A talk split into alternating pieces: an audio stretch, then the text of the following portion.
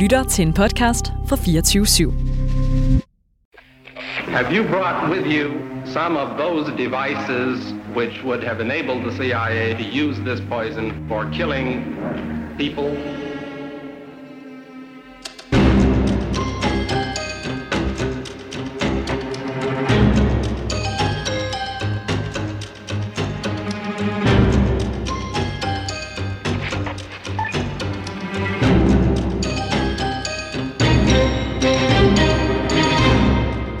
Det du gør nu, det er, at du, du smider simpelthen, du viser din hånd. Ja, Hvad, det er det, jeg gør.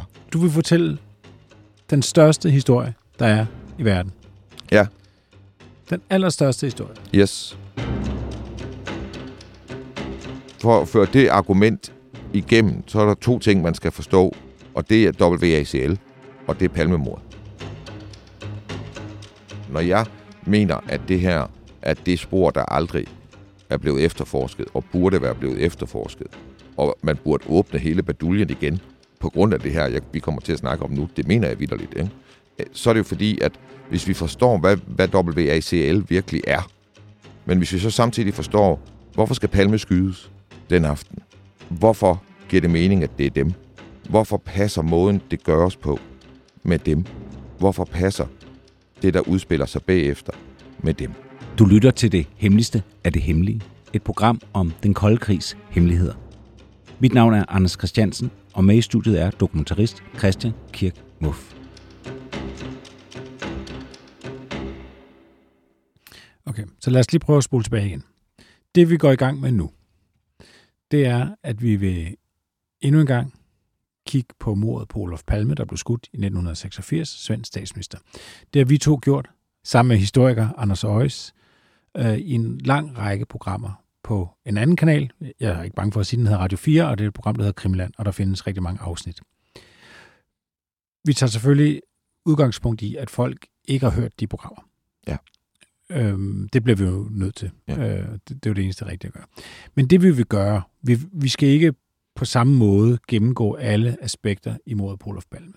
Det, som du har set dig varm på, Christian, det er jo, at øh, ved at beskæftige dig med palmemordet, og ved at beskæftige dig med WACL, altså den her antikommunistiske verdensomspændende øh, forening eller organisation, så får du lyst til at på en eller anden måde lægge WACL ind over palmemordet. Ja. Altså se palmemordet den prisme, at det kunne være øh, nogle, af, nogle af dem, der også er med i WACL, der har begået mordet. Ja. Så det er det, der er øvelsen. Ja. Rigtigt forstået? Præcis. Præcis. Og hvordan vil du gøre det? Ja, og det, er det, altså, altså, det er bare en stor sag, og det er det i begge ender. Det er det både i, i forhold til WACL, Mm-hmm. hvor, hvor vi skal gøre rejsen færdig fra, hvor vi har kigget på nogle af de stiftende øh, øh, medlemmer og organisationer og lande ude i Asien. Øh, men hvor vi også skal snakke om de europæiske medlemsstater, eller medlemslande og organisationer, og også øh, i USA, Amerika, Nordamerika og Mellemamerika og Sydamerika. Og så skal vi forstå, øh, hvad WACL bliver til, når vi når op i 80'erne. Vi snakkede meget om det som øh, noget, de her fra Korea, Japan og Taiwan stiftede i 50'erne og 60'erne. Øh, og der skal vi gøre rejsen færdig op til 80'erne. Mm. Øh, fordi så vil mit argument være, at hvis man kiggede på WACL som en potentiel gerningsmand, så vil det være den gerningsmand i rækken af potentielle gerningsmænd, der har været inde omkring palmemordet, hvor man mest vil sige, okay, ja, det tror jeg faktisk på, de kan og vil. Du skal måske lige forklare mig, hvad du mener, når du snakker om WACL, fordi man kan sige, der har jo været rigtig mange, der på et eller andet tidspunkt har haft kontakt med WACL, altså har været med på nogle af deres årskongresser rundt omkring. Vi kan blandt andet se, at Pia Kærsgaard har været der. Så når du snakker om WACL, altså er det så en organisation, hvor alle ved, hvad alle, alle laver? Er det så alle, der har været med i WACL, der lige pludselig er mistænkt for at have begået mordet på Olof Palme, eller hvordan skal jeg forstå? Hvis jeg virkelig skal prøve at skære den sådan helt overdrevet ud, så hvis man kender James Bond, så er han op imod en organisation, der hedder Spectre. Hvis man forestiller sig, at Spectre, de havde en, en front, som kunne hedde øh, Kudos. Og, og så er WACL, det er Kudos. Og inde bag ved WACL, der er der et mørkt netværk af mørke kræfter, der kan nogle mørke ting og sager, de udfører i mørket.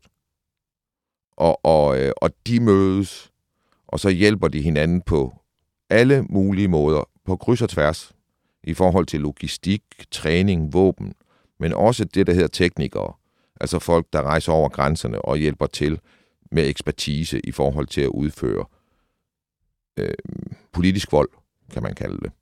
Øh, og det her, det er jo så de samme folk, skal man forstå, som er kernen i øh, Special Forces i mange lande. Altså det er folk, som også har en hårdt trænet militær baggrund. Det er ikke sådan nogen som dig og mig, der synes, det er spændende og interessant, eller sådan. Det er nogen, der også kan gøre det og leve i junglen i lang tid og blive kastet ud med en faldskærm og, ja, og gøre det, der skal til, når man står over for et menneske også. Ikke? Mm-hmm. Så, så, så, så når man ser, at o, uh, Pia Kærsgaard er i 88 med til den internationale generalforsamling i, i WACL, så er hun et eksempel på en, som er øh, blevet besnakket i min verden til at være med til noget, som hun ikke forstår det fulde omfang af. Fordi at World Anti-Communist League, det er jo også svært at have noget imod. Du ved, mm. lidt ligesom Demokratisk Alliance, som Hans Settler havde. Det er svært at have noget imod det. Vi har snakket om øh, de organisationer, som Arne Sejer stiftede. Det er svært at have noget imod dem. Er der jo været det... Kultur og frihed. Selskabet for kultur og frihed, der kan man jo ikke sige, fy for, fy for den. Nej, det gider jeg ikke. Det er jeg imod det der. Ja. Vel? Det er det, som, øh, som vi jo omtalte i de tidligere afsnit som frontorganisationer. Præcis. Og det er også sådan, du ser WASL. Præcis. Og så kan du sige, at ja, og så ser jeg, at alle de medlemmer, der er de medlemsorganisationer, der er af WACL, de frontorganisationer. Det er det, der også bliver min, det er det, der bliver bevisførselen her, ikke? Når, når vi snakkede om Japan, for eksempel, ikke? Mm. så snakkede vi om Kodama og Sashagawa. Det er de, og, og, så, og Moon-bevægelsen. Og det, de laver der, er jo en, en organisation i Japan, som lyder, jeg kan ikke huske navnet på den på stående fod, men den lyder meget tilforladelig. Og det er det, der er medlem af WACL. Men dem, der bliver sendt som, som øh, øh, repræsentanter for den organisation, det er Moon-folk, og så er det Yakuza-folk. Altså, det er folk, som begår politisk vold i Japan, mm. der bliver sendt afsted i den her organisation, som lyder meget tilforladelig. Ikke? Så, så det mener, WACL er dækorganisationernes dækorganisation. Det er frontorganisationernes frontorganisation. Det er sammenslutning, det er den internationale kooperation af frontorganisationer fra hele verden. De er alle sammen... Nå, men hør det er rigtigt. Og de er alle sammen forbundet med CIA. Det, det er det, det er inde i kernen, og det er det, jeg er i gang med at fortælle historien om. Og det er det, jeg har tænkt mig at føre bevis for. Og jeg synes, jeg har gjort det i Japan. Jeg synes, jeg har gjort det i Korea. Og hvis der er nogen, der har noget imod det og er uenige, så hører jeg gerne fra dem nu synes jeg, nu hvor vi er i gang i den her snak, så ja. synes jeg bare, vi skal tage den. Ja. Altså, det du gør nu, det er, at du, du smider simpelthen, du viser din hånd. Ja, det er det, jeg gør. For du har, altså du siger, okay, nu du vil fortælle den største historie, der er i verden. Ja. Den allerstørste historie. Yes.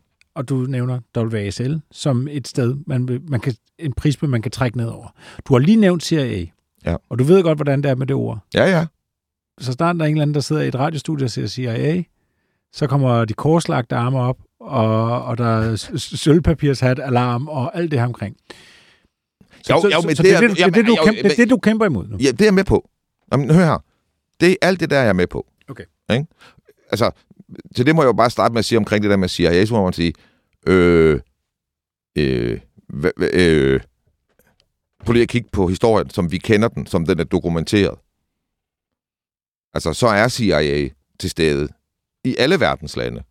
Og det er de på hemmelig vis. Og det, de er til stede for at udføre, det er hemmelige operationer. Hemmelige alliancer med folk, som så udfører operationerne. Altså, det, det, det er deres raison d'être. Og det er verdens største efterretningstjeneste, der, som vi kan se det, stort set opererer frit i den vestlige verden. Så ja, det kan godt være, at jeg nogle gange kommer til at sige CIA, for det ikke er CIA, for kan det være nogle andre interesser, der ligner, der er på spil. Det, det vil jeg slet ikke øh, på nogen måde øh, øh, frasige mig, men jeg vil ikke skamme over at sige det heller. Mm. Altså, det vil være den fuldbragte CIA-konspiration, hvis man som journalist skulle skamme sig over at sige, det kunne også være, at CIA var involveret. Mm-hmm. Ja, vi plejer jo at sige, at øh, hvis man tror, at CIA intet gedult foretager sig i verden, så er man naiv. Og hvis man tror, at de styrer alt i verden, så er man selvfølgelig tosset. Præcis, præcis. Og jeg kommer ikke til at sige, at de styrer alt i verden. Jeg kommer til at sige, at det vi har med WACL, det er i hvert fald, og, og det er jo det, jeg kommer til at gøre, det er at fortælle en række veldokumenterede historier, som hver for sig er veldokumenteret. Så kommer jeg til, hvad der ikke er særlig mange, der har gjort. Så kommer jeg til at lave et scorecard. Så kommer jeg til at sige, hvem er det så, vi har her? Og så kommer jeg til at sige, nå, men de folk, der så repræsenterer Sverige her, hvordan kan vi gøre noget med dem i forhold til palmemor? Og der kommer jeg til at fortælle helt, helt nye ting, som ingen har fortalt før. Og det kommer til at sandsynliggøre det her i en grad, som ikke er fortalt før. Og en grad, som i hvert fald for mig var sådan, og, og det skal jeg også sige, for eksperter i det her, jeg har talt med, er sådan, hvor de tænker, okay, det der, det er virkelig substantielt. Og, og de hjælper mig nu med at prøve at kigge på nogle ting på en anden måde. Og ting falder på plads omkring det her. Det er ikke sådan, at man løber ind i alt muligt og tænker, det her, det kan ikke lade sig gøre. Det hænger så også sammen med, at det her ikke er konkret. Mm-hmm. Jeg kommer ikke til at sige, hvem der skød. Jeg kommer til at sige, hvordan det foregik. Jeg kommer til at sige, hvem der formentlig var involveret. Jeg kommer til at føre en sandsynlighedsgrad logik i forhold til at være involveret. Jeg kommer til at sige, kan vi tro på, at alt det her er tilfældigt? Så jeg kommer ikke til at sige, at jeg har fundet til øh, pistolen, eller jeg har fundet en mand, der indrømmer det, eller mm. et dokument, ingen har set før, som siger, jeg gjorde det. Det er ikke der, vi er. Vi er i en i en løften af sandsynlighed gennem en uendelig række af påfaldende detaljer og indicier. Det er det, jeg vil gøre.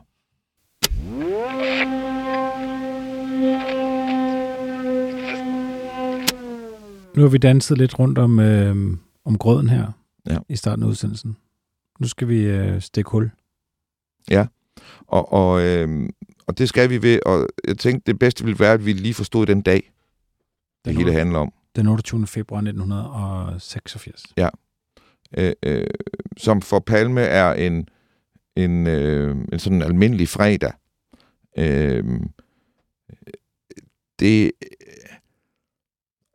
jeg prøver lige at, jeg prøver at konkludere på, hvad en masse mennesker har sagt om det her. Øh, øh og det vil sige, at der kan også godt findes nogen, der, der vil påstå noget andet end det, jeg siger. Men jeg tror sådan, den store konsensus omkring at beskrive Palme på det her tidspunkt, det er en, en træt mand. Øh, øh, han har været i kernen af svensk magt og politik siden 50'erne.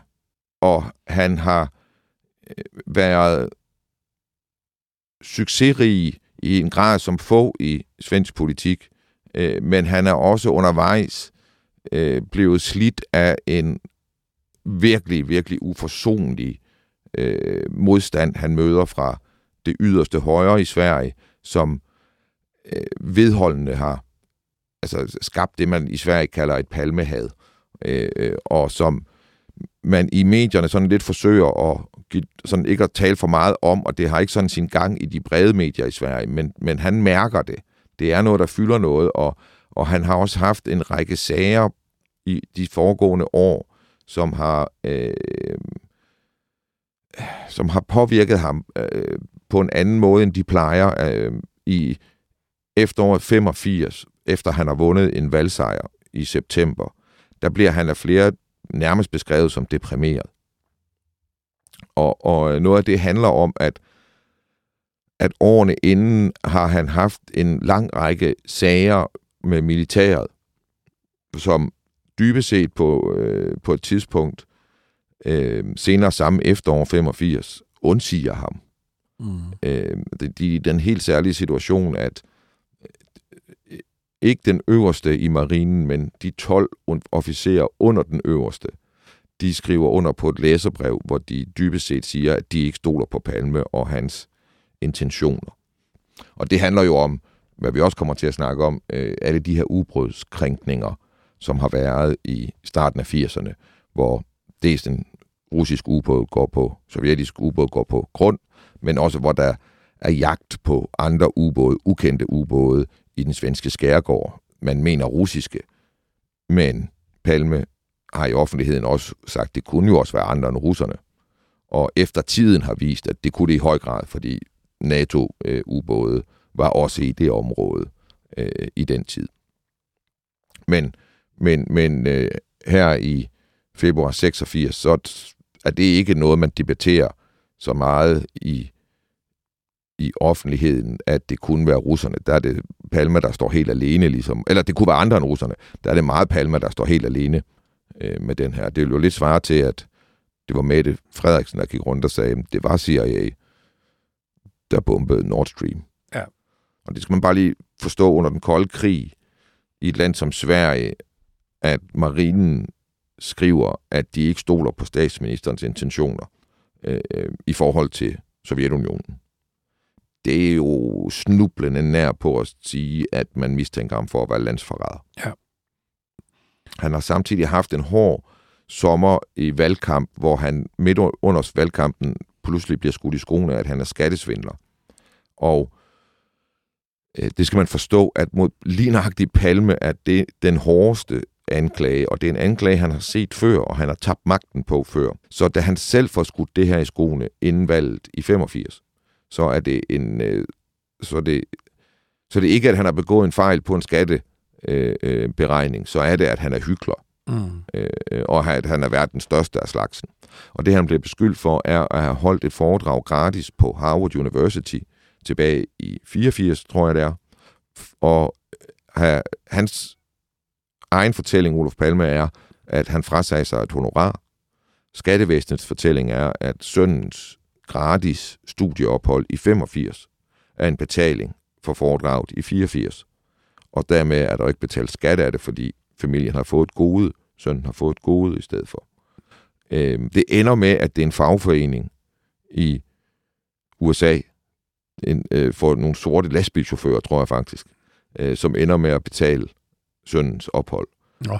Ja, øh, men... Øh, den, den, øh, den sag bliver kendt som Harvard-affæren. Ja. Øh, og den får også noget at skulle have sagt i, når man kigger på palmemordet. Og selve dagen. Og selve dagen, ja. Ja. Øh, så så det, det, det er sådan en mand, der... Øh, folk omkring ham vil mene, at han sidder hårdt og diktatorisk på det socialdemokratiske parti. Det bliver han skudt i skoene. Det er jo ikke hans egen oplevelse. Men, men, men det vil folk, om, det vil folk sige. Øh, og det stærke følelse omkring den her mand, men det handler også om, hvem han er. Han er jo en ufattelig skarp debattør. Altså, jeg har set sådan nogle øh, øh, valgdebatter i Sverige, hvor han hænger de der modstandere til tørre, og han gør det med bidende hård sarkasme, ironi, øh, øh, hvor han øh, piller dem fra hinanden. Og han er ubåndhørlig. Altså, øh, hvor jeg vil tænke, okay, nu, nu vil jeg også lade en debatmodstander lige få lov at trække vejret, og, og også lige have lidt værdighed tilbage, så bliver han ved med at trække bukserne ned på dem. Igen og igen og igen. Så han, han er også en, øh, han deler vandene på den måde også, ikke? Jo. Han er ikke en rund karakter. Nej, øh, han, er, han er arrogant. Og, og jeg tror til gengæld, det som alle er enige om, det er, at han er intelligent. Der er ikke nogen, der siger, at han ikke er intelligent. Nej, det er der ikke. Nej. Øh, og, og, øh, og, og det er forbløffende, når man ser hans politiske virke også, altså hvordan han har fingrene ned i alting. Det kendetegner også hans dag.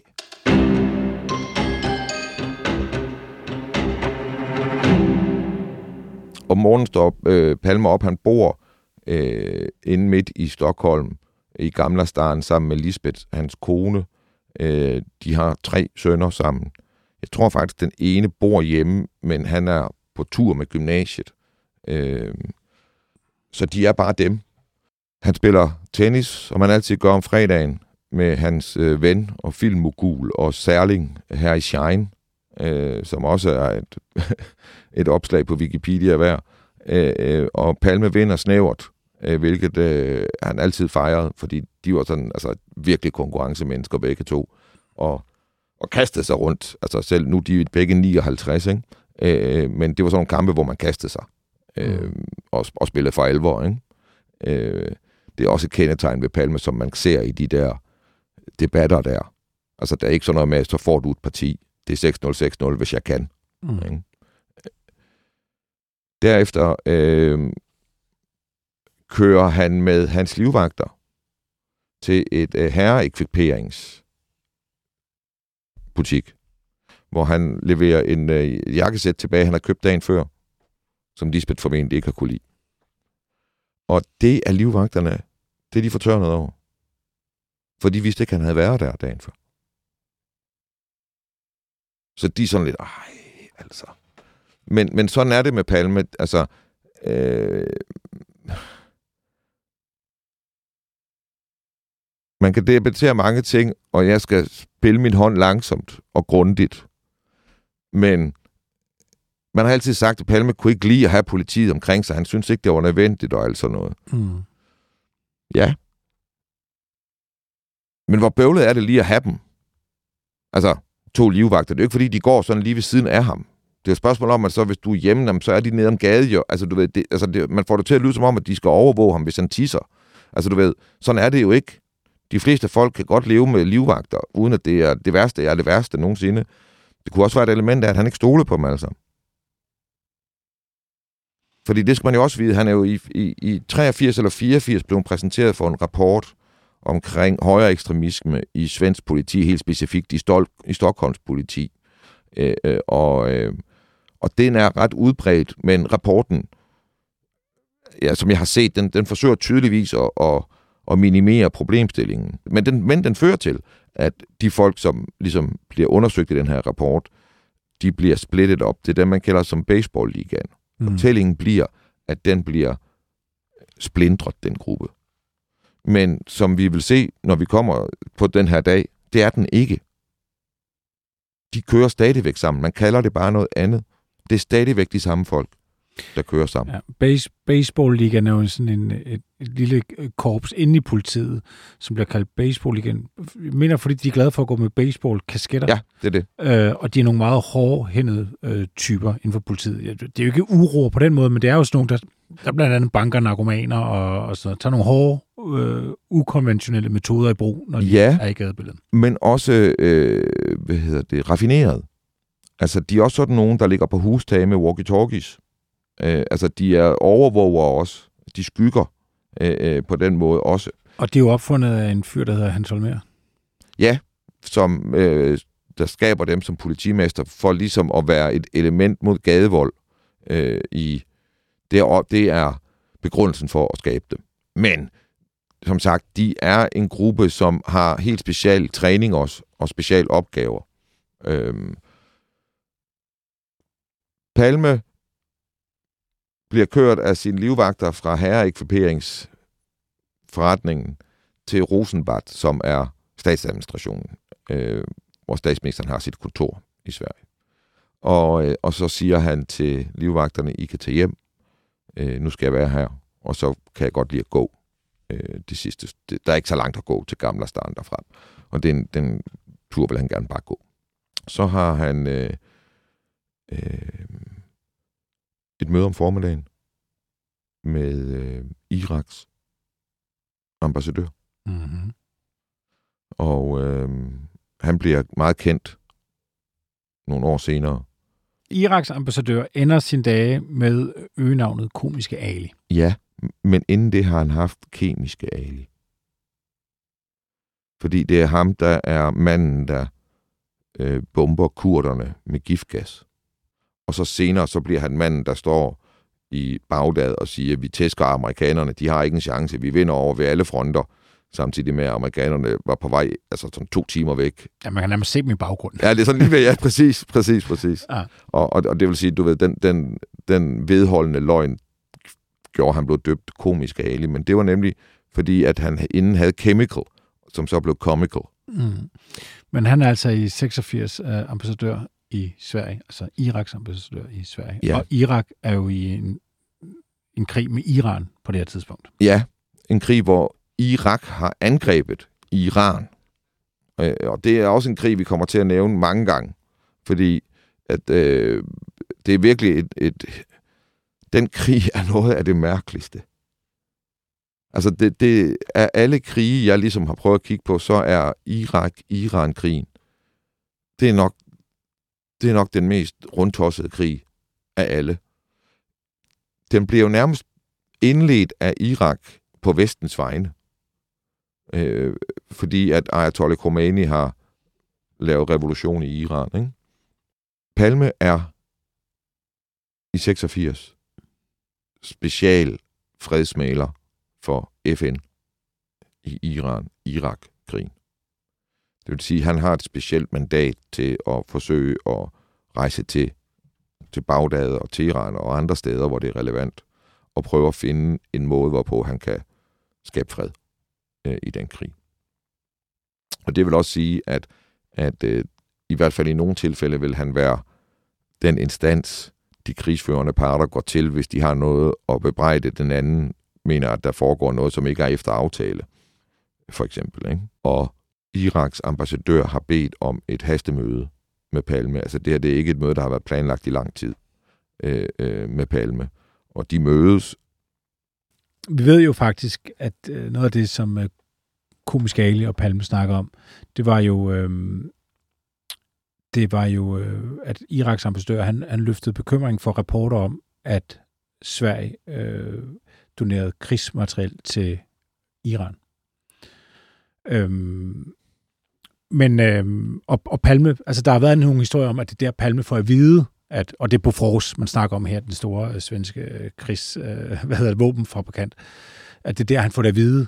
Øh, det er ikke tilfældet. Altså Palme er klar over det, og han svarer, øh, at han deler bekymringerne, og han siger, at der er en Bofors-uredning i gang, øh, og de svenske myndigheder vil arbejde hårdt på at, at kunne få svar på de her spørgsmål. Er det rigtigt? Ja. Altså, det, er bare, altså, det han siger, det er til Iraks ambassadør, det er, jeg ved godt det her. Ja. Ikke? Det er ikke nyt for ham. Nej. Ja?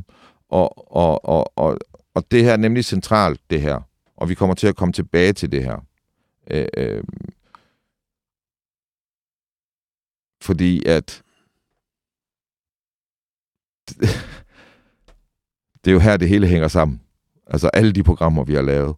Uwe Basel, Asien, Ukraine, firmaet, det hele. du har fundet et epicenter, eller hvad? Ja, men der er virkelig noget, der konvergerer fuldstændig her. Altså, det er der virkelig. Øh, øh, på, på, en, på en vanvittig måde.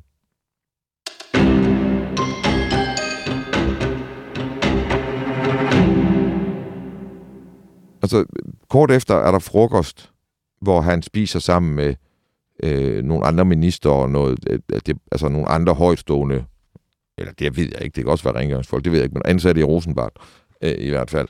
Øh, og, øh, og der bliver han beskrevet af nogle af dem som meget oprevet, mens andre ligesom ikke rigtig har lagt mærke til noget usædvanligt. Ikke? Men, men øh, øh to, særligt en minister, der kendte ham godt, beskrev ham som tydeligvis øh, øh, usædvanligt oprevet efter mødet med den irakiske ambassadør. Efter frokost, der bliver han interviewet til et, øh, et blad, der hedder øh, Statsansatte, hvor han snakker blandt andet om hans forestående tur til Moskva.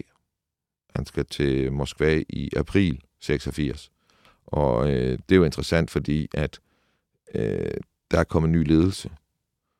Øh, Khrushchev er kommet til i... Øh, eh, Khrushchev, hvad hedder han? Det hedder han ikke. Gorbachev. Gorbachev, ja. Hvad hedder det? Øh... Gorbachev er kommet til i 86, eller 85. Han er kommet til på det her tidspunkt i hvert fald. Øh, og han repræsenterer jo muligheden for et ny relation med Sovjetunionen. Det er det, han signalerer fra starten, og han har et meget berømt møde med Margaret Thatcher, som den første vestlige leder, mødes hun med, med Gorbachev og beskriver ham som øh, i can do business with this man. Øh, altså, hun, er, hun, hun stoler simpelthen på ham.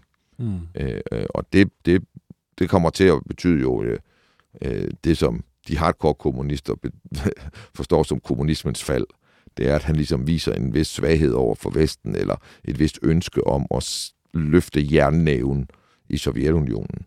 Øh, øh. Så det, det er noget, som Palme ser meget optimistisk på, fordi det er det, han har kæmpet for.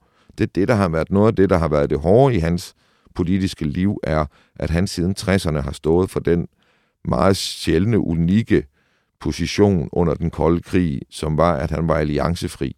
Han var øh, den tredje verden, den, den der ikke var øh, en del af enten øst eller vest øh, under den kolde krig. Sådan var det jo officielt for Sverige. Og, så, og den linje repræsenterede Palme øh, øh for så vidt som, at han Altså, han er ikke nogen problemer med at påpege, at der ikke var menneskerettigheder i Sovjetunionen, og at det var et stort problem. Men han havde heller ikke nogen problemer med at påpege, at amerikanerne øh, begik øh, krigsforbrydelser i Vietnam eller andre steder. Øh, han var en hård kritiker også af, af, Vesten og NATO og amerikanernes tilgang til mange problemstillinger i verden. Og han var frem for alt for eksempel åbent en af de få øh, vestlige stater, som støttede Nicaragua i 80'erne. Øh, Palme er i Washington i 84, og i den forbindelse, der rejser han til Nicaragua, og er den eneste, som jeg kender til, vestlige øh, europæiske leder, der betøger Nicaragua øh, på det her tidspunkt efter revolutionen i 80 mod øh, Formosa. Øh, nej, ikke Formosa, hedder han, øh, jeg kan ikke huske, hvad han er. Diktatoren i Nicaragua, ikke? Mm. Og det var jo amerikanernes svorne fjende, eller Reagans, præsidenten på det tidspunkt, svorne fjende, styret i Nicaragua. Og det har han ingen problemer med at tage til, og, og, og øh, jeg tror, Sverige var den største donor til Nicaragua øh, i den tid, den stat eksisterede dengang. Mm. Så, så, så, så det er en mand, der er på kant med, med, med, med, med mange ting, og, og det er sigende, at det interview, han laver med statsanstalt, som det hedder, det handler lidt om arbejdsmarkedsforhold osv., men det handler også om storpolitik. Altså når man snakkede med, det svarer lidt, hvis du snakkede med, med, øh, med, med Mette Frederiksen nu, og hun så også forholdt sig til Taiwan og sådan noget. Ikke? Øh, øh, på den måde, så var Palme sådan en, man spurgte om hvad som helst, hvor som helst i verden. Øh, fordi han gav interessante perspektiver, og ofte masser af ballade mm. i den vestlige verden. Ikke? I kernen af det her er der et utroligt dobbeltspil. Fordi at Palme stod også for en meget vestvendt linje. Han var udmærket klar over, at det svenske militær samarbejdede i hemmelighed med NATO i forhold til, at hvis der udbrød krig mellem Øst og Vest, så ville Sverige være på NATO's side, og det var hos NATO, de ville søge beskyttelse. Og alt svensk militær taktik og strategi handlede om, at fjenden kom fra øst. Mm. Så det var ikke på den måde, at de stod sådan helt alene. Og det var Palme udmærket klar over. Men han mente, at der var plads til også en kritik. Han havde det jo dybest set sådan, at der var forskel på venner. Ikke? Der er de der venner, der siger, jeg støtter dig, du er bare så god, og du er skide fed, og alt muligt. Uanset hvor urimeligt du opfører dig. Men sådan en rigtig ven er ham, der giver dig en rigtig stor lammer, og siger, nu gør du ikke det der igen. Mm. Ikke? Fordi det er simpelthen dumt. Jeg kan ikke lide dig, når du er sådan der. Ja. Du er bedre, når du ikke er sådan der. Ja. Og sådan så Palme sig selv i forhold til, til uh, USA og, og, og NATO. Og øh, ja, det fandt de sig i, men de gik også hårdt til stålet den anden vej. Altså, der var jo ikke diplomatiske forbindelser mellem USA og Sverige i starten af 70'erne i en periode på grund af Palmes udsend, uh, udtalelse. De, tog, de, sendte deres, uh, de trak deres ambassadør væk hjem fra Stockholm. Ja, vedrørende Vietnam, Vietnamkrigen, ja. Som Palme ja. tordnede ja. imod. Ja. Så den mand, der giver interviewet her om eftermiddagen, den 28. februar 86, det, det er, øh, han har været hele turen rundt, også i forhold til øh, USA og NATO og de vestlige. Altså han har på den ene side været med til at stifte efterretningstjenester i Sverige. Øh, han er, som vidt vi kan se, med til at starte også øh, Stay Behind-netværkene i Sverige. Og han er jo med på, at de vender mod NATO. Øh, det er der, man skal samarbejde hen i, i de her netværk. Øh, men samtidig er han er andre dele af, af, af USA politisk og militært og på højrefløjen et hadobjekt nummer et, fordi at han øh, repræsenterer en kritik øh, af forhold, som de ikke vil have kritik af. Mm. Og, ja, og så går han hjem fra... Nej, så skal man så sige, han skal så også fotograferes. Ja.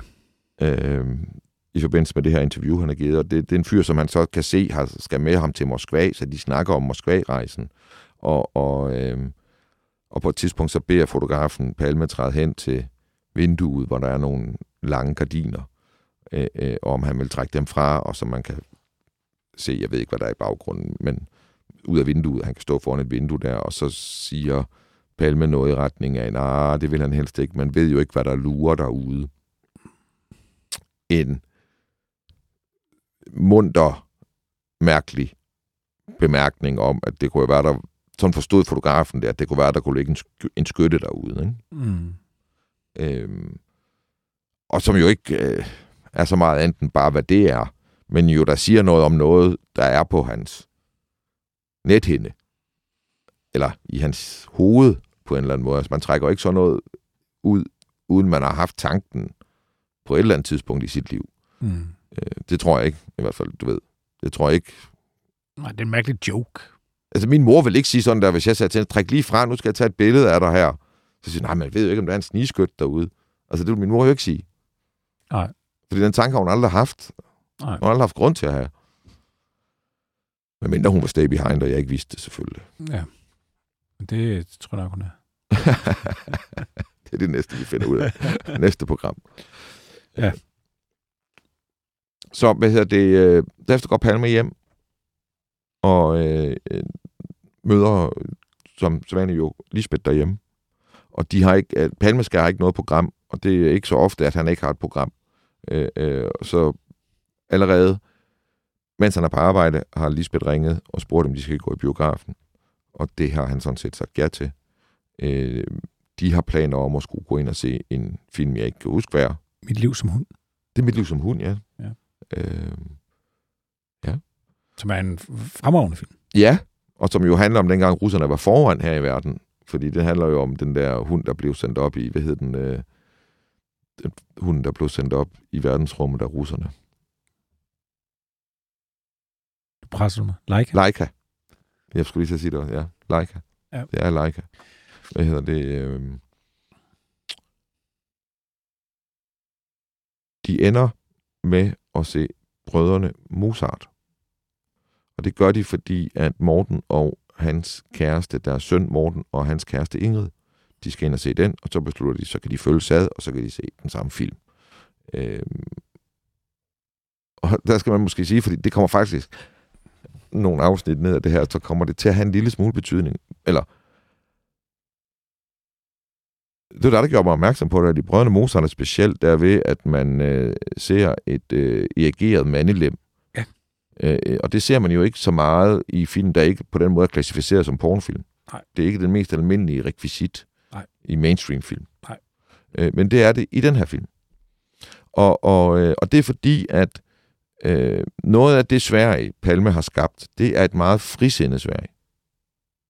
Øh, øh, han er medvirker selv i en film, jeg mener, han er undervisningsminister i 67, hvor han øh, medvirker i en film, jeg mener, hedder Nysgerrig, og som er en film øh, om seksuel undervisning, og hvor der altså bliver vist rigtig sex.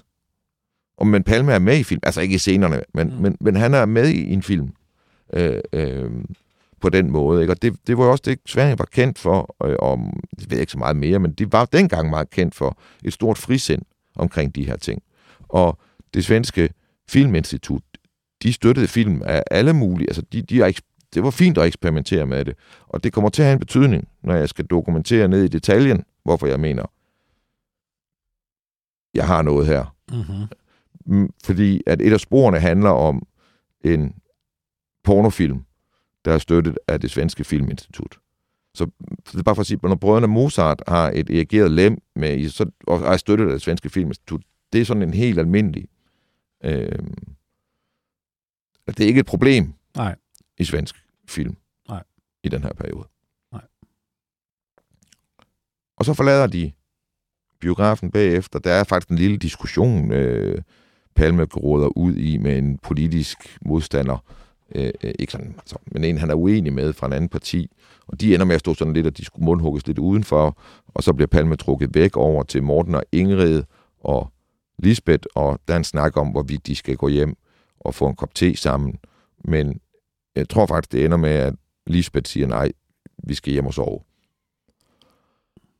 Og så går de.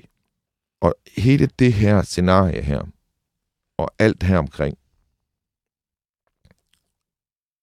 altså den der grandbiograf, de kommer ud fra, den 28. februar, klokken er lidt over 11 nu, den her aften, det fryser i Stockholm, og det blæser, og der er sne, ikke sådan meget sne, men der er sne i luften.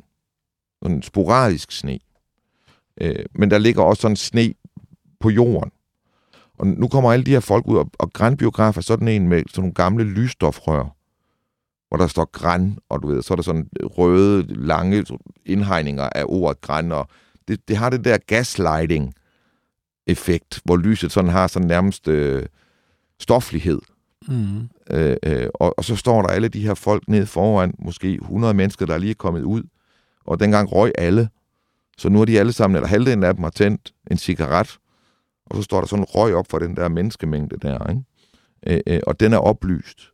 Men nu går Olof og Lisbeth Palme så væk fra den her mængde.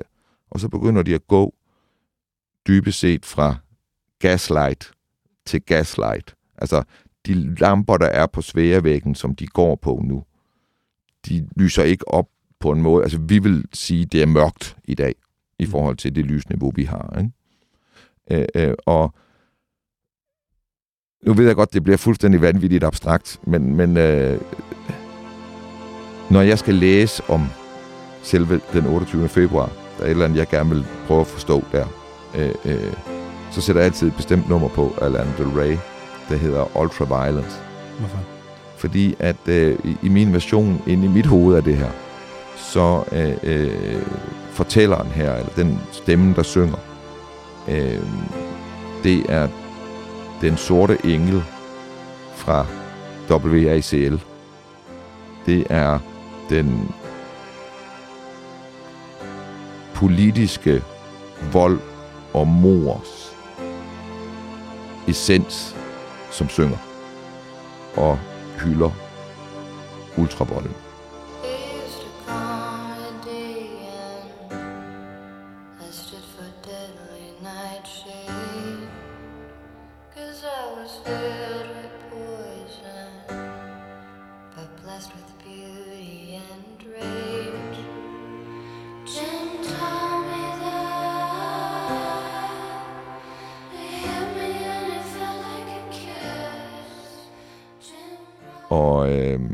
Og, jeg har bare sådan en... Øh, du ved, jeg ser dem gå ned ad gaden der, ikke? Og, og så ser jeg den der onde ånd over dem, der ved, hvad der skal ske, og kan høre sirenerne, øh, der kommer lige om lidt, og, og, og fortæller om et liv, hvor, hvor øh, de næsten blev udslettet under 2. verdenskrig, men en, der hed Jim, vækkede dem igen, og lærte dem, at smerte var godt og det var det, de kunne. Det var ultravold. Og det er det, de møder lige om lidt, når de forlader den her biograf og, mør- og lyset her. Så går de der i mørket, og så kommer de ned på hjørnet af Tunnelgarderen og Sværvæggen ud for Skandia-huset, som er et hus, der rummer Palmefamiliens forsikringsselskab, mm. øhm, og hvor Stay Behind har hovedkvarter og rod i Sverige. Og på hjørnet dernede foran, altså sådan næsten rituelt foran Palmefamiliens hovedværk og Stabby Behinds fødested, der bliver Palme skudt i ryggen en kugle. Øh, blod fire meter ud fra ham. Han er smadret. Han er nærmest skudt midt over. Ikke? Øh, med det mest, nærmest det mest magtfulde, voldsomme håndvåben, øh, pistol, der findes skabt af FBI til at kunne skyde motorblokken ud på en bil. Det er derfor, de har lavet den her pistol. Det var fordi, at i 30'erne så stak de af i biler. Så kunne de ikke stoppe dem med de øh, pistoler og geværer, de havde. så lavede de en pistol her, som kunne stoppe en motorblok. Mm. Øh, og der får han et skud på den kvadratcentimeter på en krop, hvor man ved, at så dør offret. Der sidder den ene kugle.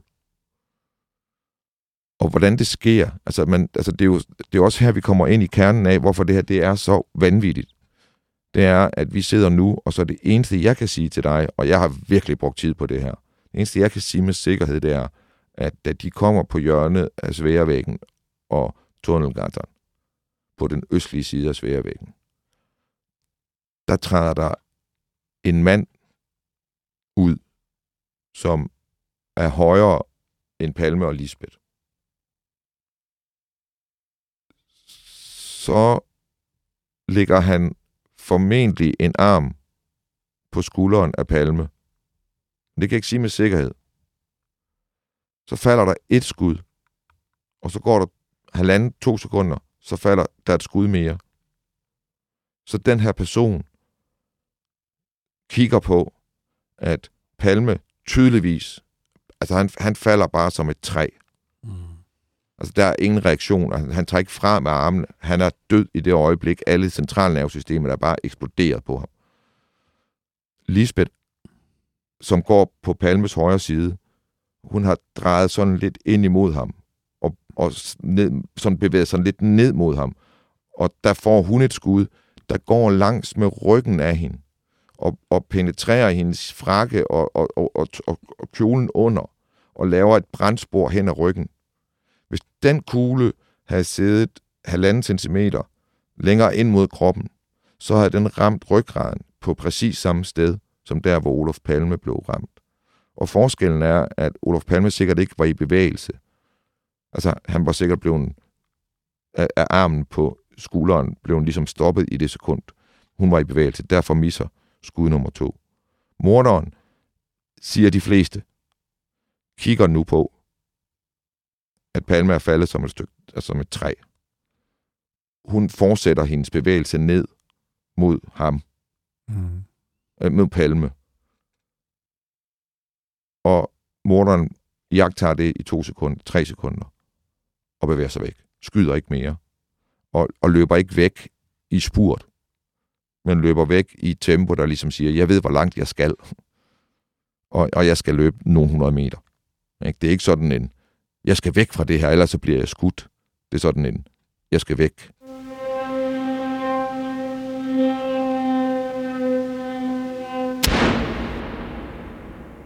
I en taxa ved det lyskryds, hvor mordet udspiller sig på, gade, på hjørnet her af Sværvæggen og Tunnelgatan, der sidder der en 17-årig pige, der hedder Anna Hage, og, og hun kommer til at repræsentere det eneste, hvad jeg vil kalde menneskevarme øjeblik i hele den her fortælling.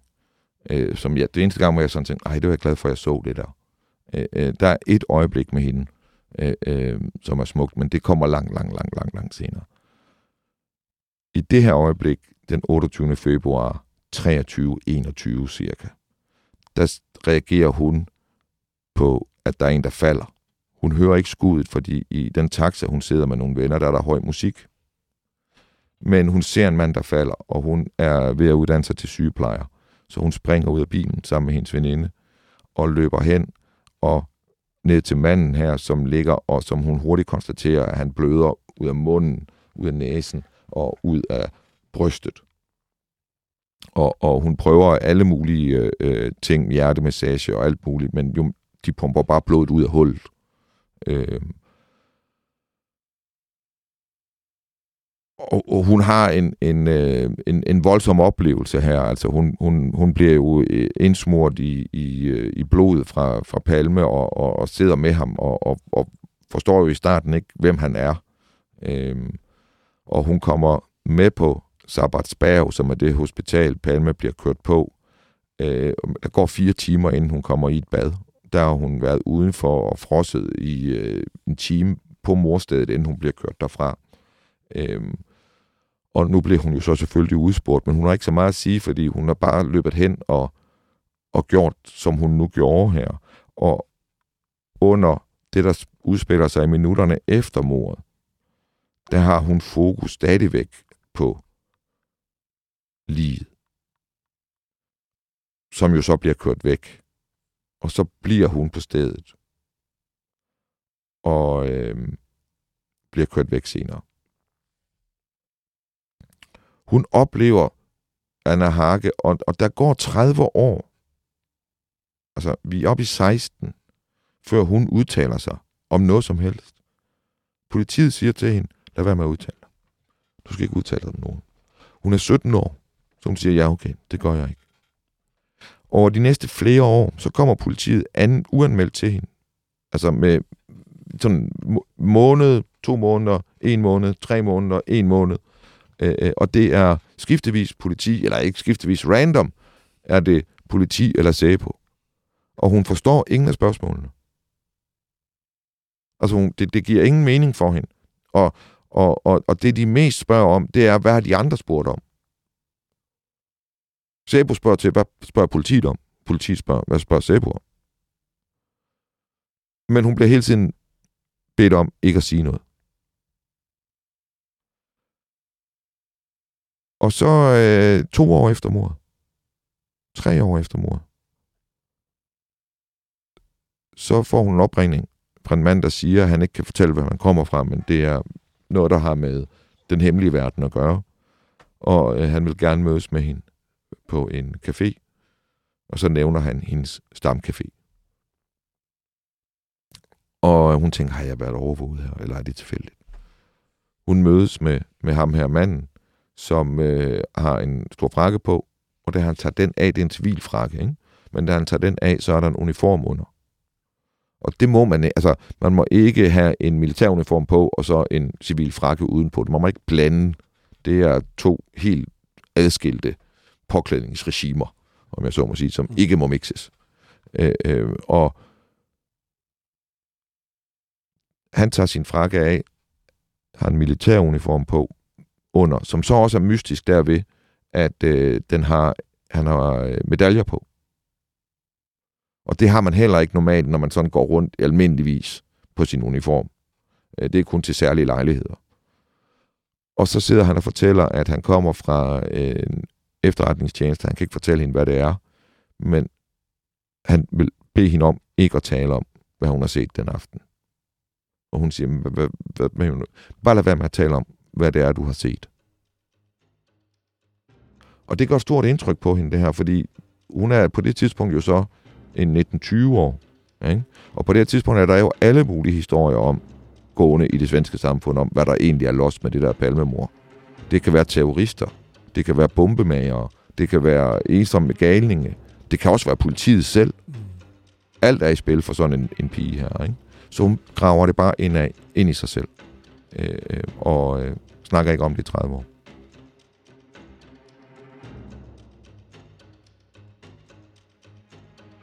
Du har lyttet til det hemmeligste af det hemmelige, og det her var det første af mange afsnit i den følgetong, vi har valgt at kalde verdens største historie. Mit navn er Anders Christiansen, og med i studiet var, som sædvanligt, Christian Kirk Muff. Tak fordi du lyttede med.